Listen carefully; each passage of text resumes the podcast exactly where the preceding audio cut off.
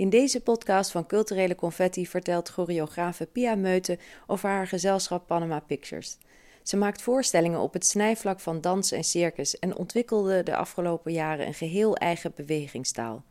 Ik ben Julie Vechter en met Pia praat ik over vertrouwen durven geven en nemen als basisvoorwaarde in het werk. Maar ook haar liefde voor literatuur komt aan bod. We ontmoeten elkaar in het levendige café van de Verkadefabriek, het theater in Den Bosch waar Panama Pictures huisgezelschap is.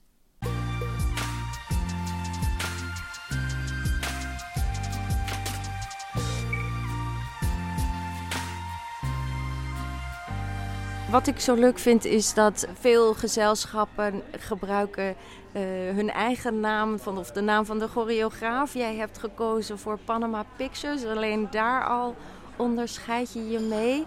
Wat was het idee of waar komt die naam vandaan?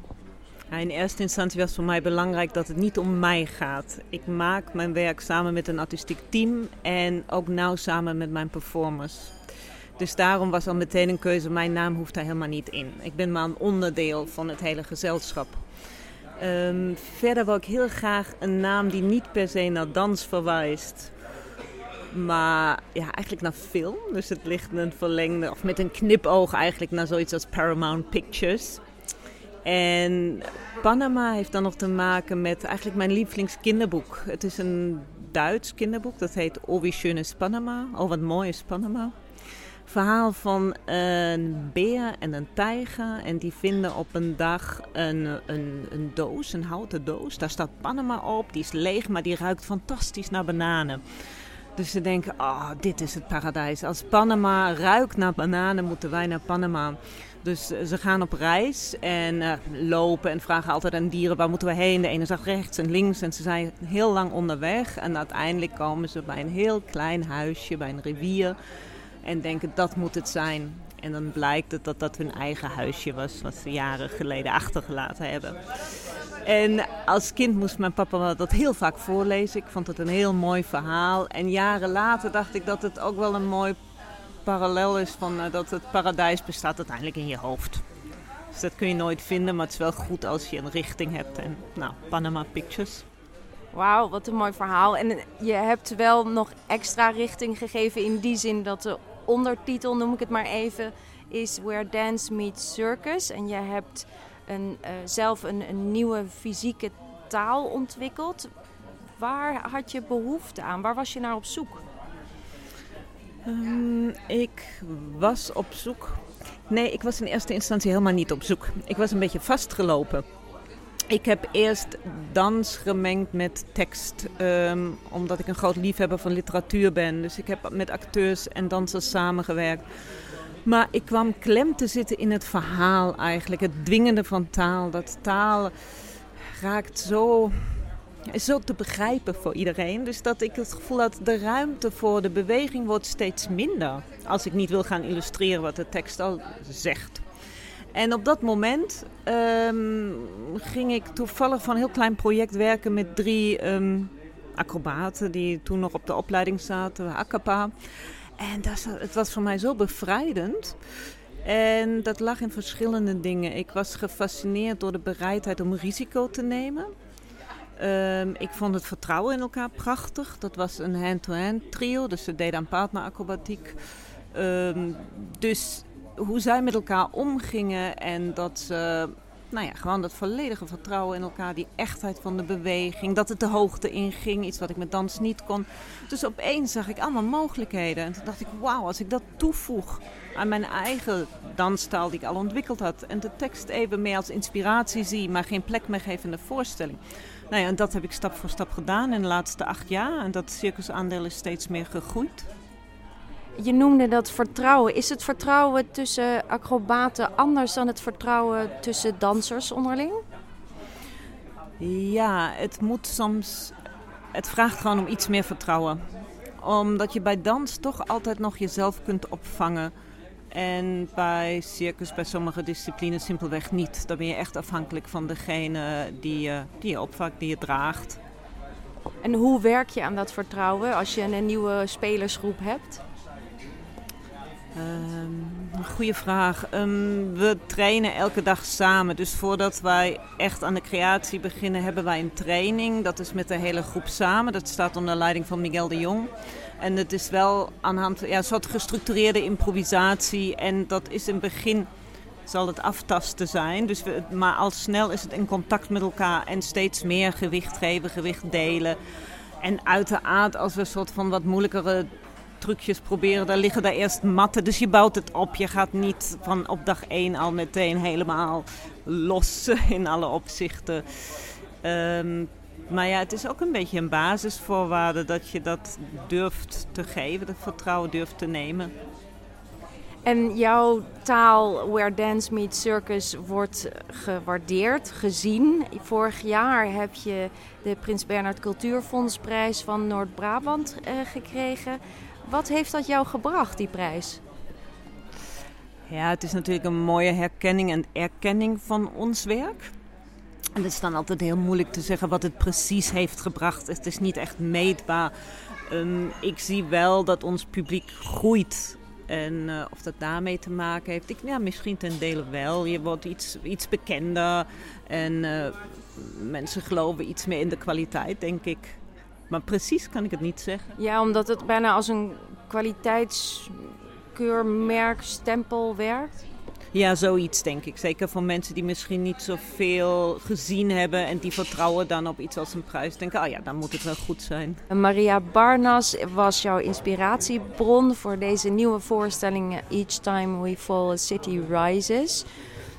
Hoe ging dat in zijn werk? Meestal heb ik een, een bepaald idee van een thema, een gevoel, een sfeer die een voorstelling moet hebben. En dat was deze keer ik wou iets vertellen over de wankele tijden waarin we leven. Of hoe mensen dat ervaren. Veel mensen ervaren dat alles in beweging is. Uh, dat er minder zekerheden zijn. Um, en toen ik daarmee bezig ging, moest ik terugdenken aan gedichten die ik van haar had gelezen. Ergens zit dan een link in mijn hoofd. Um, dus ik ging teruglezen en dacht, ja, het klopt, die link klopt. Dat is daadwerkelijk iets wat ik in haar werk herken, zie, wat zij voor mij heel mooi vertaalt. Het gevoel dat je eigenlijk op zoek bent naar houvast, maar dat ook elk moment de bodem onder je voeten weg kan glijden. Dat eigenlijk alles continu in beweging is. En met dat concept ga je de studio in. En je noemde zo straks ook, je hebt een heel artistiek team. Je hebt een eerste outline en hoe gaat dan dat maakproces van start? Ja, er is nog een, een weg te gaan voordat ik echt de studio instap. Uh, dus het eerste is inderdaad het, dan het herlezen van haar werk en, en analyseren van wat raakt me, waarom raakt me dat. Um, wat ik ook prachtig vond bij haar, um, de verschillende manieren waarop zij bewegingen tot uitdrukking brengt. Dus ik heb een hele lijst gemaakt met al die werkwoorden die zij gebruikt. Om te kijken van ja, wat voor beweging zit daarin. Ik voer lange gesprekken met mijn dramateur om steeds meer uit te kristalliseren waar de voorstelling over moet gaan. En dan de volgende belangrijke stap is zijn de gesprekken met mijn scenograaf. Die ja, het universum creëert, waar alles plaats gaat vinden. Want op dag één van de repetities wil ik het hele decor hebben staan in de studio omdat voor mij belangrijk is dat alle beweging ontstaat met en door het decor. En in dit geval was het, uh, zijn het twee schuine, nou, één schuin platform en een schuine muur er tegenaan met een hele nou, vervormd gevoel van perspectief. Um, dus dat is stap 2, de scenograaf. En dan gaan we de studio in en gaan we improviseren. Want dat is ook echt wezenlijk anders uh, dan andere gezelschappen die in een kale studio werken en, en pas uh, ja, de, waar het decor er in een, in een eindfase bij komt, in een, in een montageweek misschien zelfs. Ja, en het is ook een groot verschil met, met andere makers waar decor echt achtergrond is. Een, een muurtje ergens achterin. Um, ik vind het een wezenlijk, heel belangrijk onderdeel van mijn werk is het, is het decor, is de ruimte waar het plaatsvindt. En dat heeft ook te maken met de acrobatiek.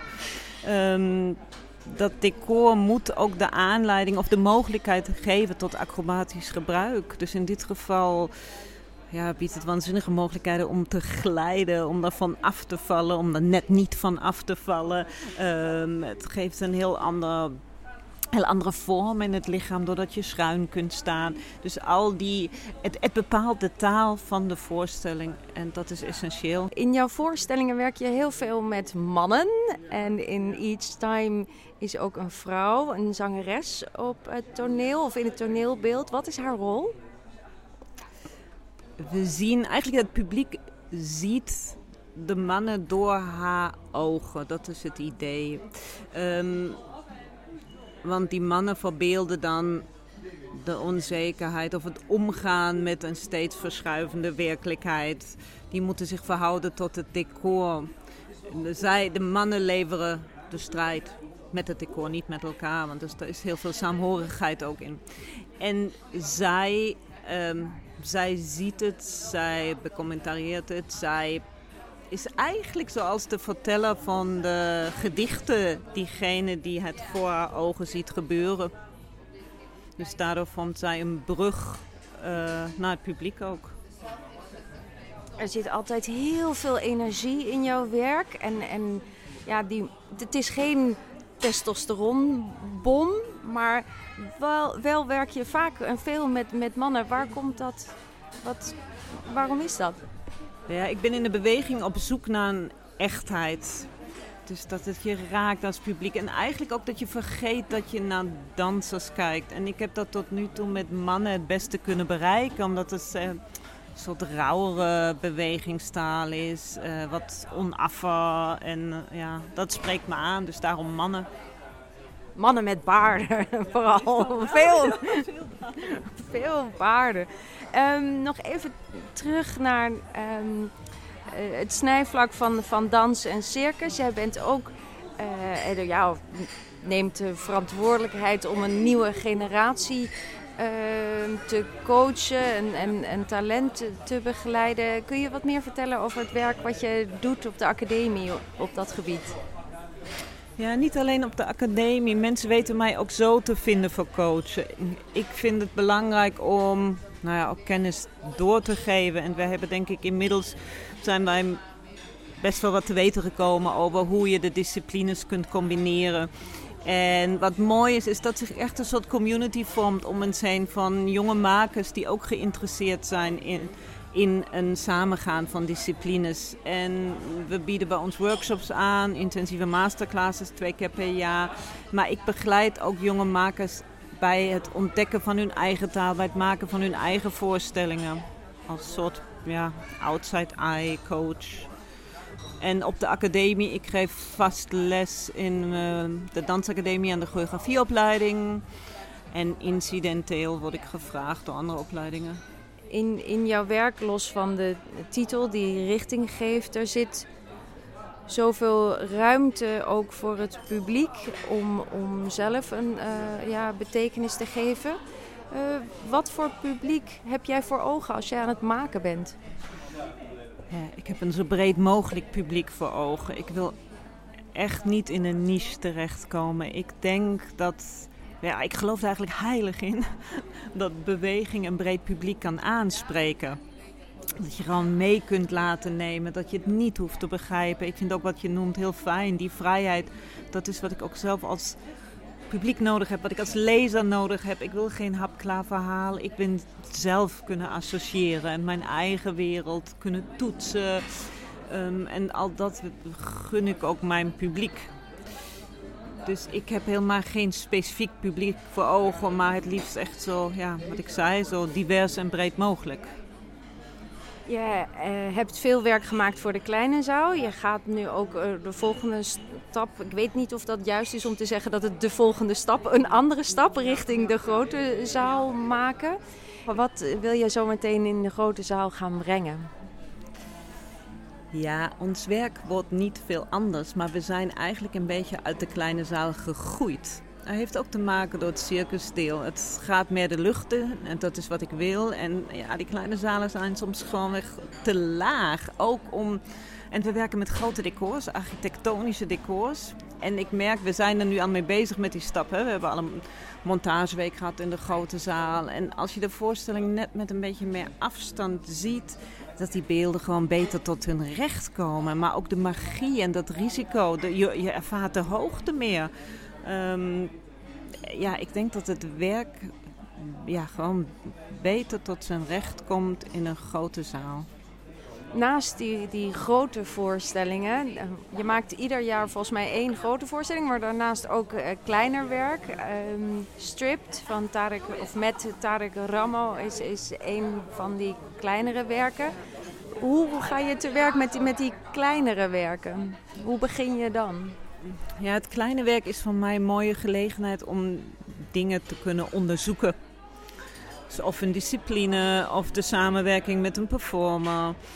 Um, bij Stripped was Tarek en de straps waren het uitgangspunt. Het moest echt um, over hem gaan. Of hij moest, het, ja, hij moest het vertrekpunt zijn. En door in de studio aan het werk te gaan, ontstond er een verhaal wat uiteindelijk dan weer los van hem komt te staan. Dus het is niet autobiografisch. Maar we gingen wel uit van hem. Dus dat kan bij dat kleinere werk ook, omdat het veel meer één op één is. Of het zijn duetten. Dus daar, is de persoonlijkheid en de achtergrond van de performer nog van een groter belang dan bij het grote werk. Het is misschien als een. Uh, misschien moet je het vergelijken met, met uh, short stories. Dus waar je ook minder een grote plot nodig hebt. Dus dan zoom je in op één gegeven, op één persoon, op één relatie. En zo zie ik mijn kleine werk ook. Hoe stel je zo'n team samen van, van performers, dansers, acrobaten? Eh, denk je, ik heb er twee van zus en drie van zo nodig? Dat is vast te pragmatisch. Een beetje wel. Een beetje. Ik heb van alle twee nodig. Dus ik heb mensen nodig met een dansachtergrond en mensen met een circusachtergrond. Ik heb sowieso een vast team van twee performers die nu al een hele tijd in mijn voorstellingen zitten. Die zijn ook uitgangspunt. Maar naast de disciplines kijk ik ook naar de samenstelling van een groep. Ah, dat, is heel, dat is bijna iets intuïtiefs. Van, ze moeten bij elkaar passen, maar het moeten ook contrasten zijn. Het moet niet met hetzelfde type. Het moet contrast in een bewegingskwaliteit. Van, de ene moet wat ruiger, de andere verfijnder, gracieuzer, uh, sterker. Nou, al dit soort verschillen. Maar ook in, ja, echt in persoonlijkheden. Bij wat voor, aan wat voor gevoel appelleert iemand bij een toeschouwer. Ook daar wil ik een soort rijkdom hebben. Maar, en dat is heel belangrijk, ik wil ook iemand die de echtheid op toneel neer kan zetten, die daar echt kan zijn. Ik hou niet van iets gekunstelds. Ik wil niet, ik wil niet een, alleen een buitenkant zien. Ik wil een echt persoon dat een soort aanraakbaarheid heeft. En waar het publiek ook na afloop naartoe durft te gaan. Uh, dus dat vind ik ook belangrijk. Volgens mij is de combinatie van Jefta en Tarek vrij nieuw. Misschien twee, drie voorstellingen. Ja, ja, ja.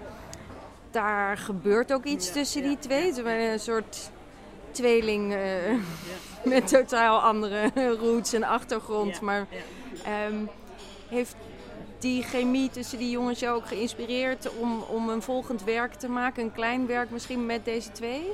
Ja, hebben we vandaag nog over gehad. Ja, ja, ja die twee zijn geweldig bij elkaar. Hè? Omdat ze qua uiterlijk een heel eind dezelfde soort formaatachtig iets maken. Wat je net al zei, de ene eerst turnen en daarna echt opgeleid circusacademie. Dan bij Cirque du Soleil, dus de echte grote circus gedaan heeft. Jefta aan de andere kant van de urban en dan een dansopleiding. Dus een heel groot verschil. Maar het het is echt een explosie bij elkaar, op een, een, een zachte explosie.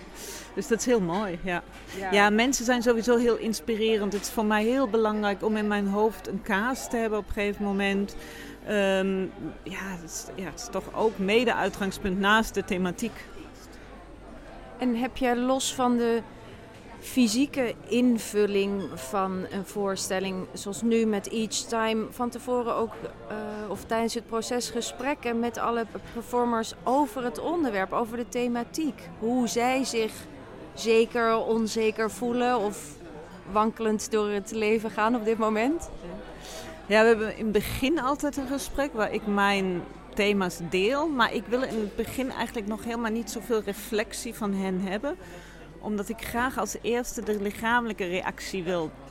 Uh, die ongefilterd is eigenlijk nog door de gedachte. Dus um, ik wil dat ze tamelijk blanco mijn gecreëerde wereld, dus in dit geval dit schuine vlak, dat ze daar instappen, dat ze reageren op de improvisatieopdrachten, omdat ik ook geloof in een soort nou, eerlijkheid van het lichaam of in een fysieke reactie die wij niet met z'n allen niet hadden kunnen verzinnen. En eigenlijk al als we vrij gevorderd zijn in het proces, dan komt er eigenlijk meer ruimte van: oké, wat doet het nou met je? Want ik wil eigenlijk dat het verhaal zich bijna als vanzelf ontvouwt. Soort van. En dat we later reflecteren op wat we eigenlijk hebben gemaakt. Ja, dat niet onzekerheid, niet de vraag is, beeld onzekerheid uit. Ja. Ja. Dat gaat, heeft ook weer te maken met de echtheid. Inderdaad, als ik jou vraag om je in te beelden, je bent onzeker en, of, of verliest.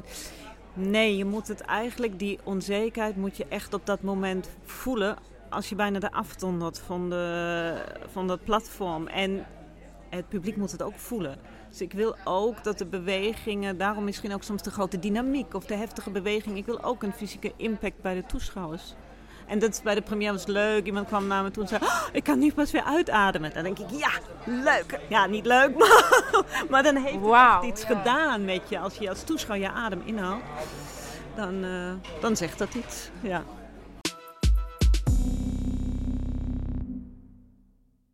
Panama Pictures toert nog tot en met 28 februari 2020 door het hele land met de voorstelling Each Time We Fall a City Rises. Dit was een podcast van Culturele Confetti. Dankjewel voor het luisteren.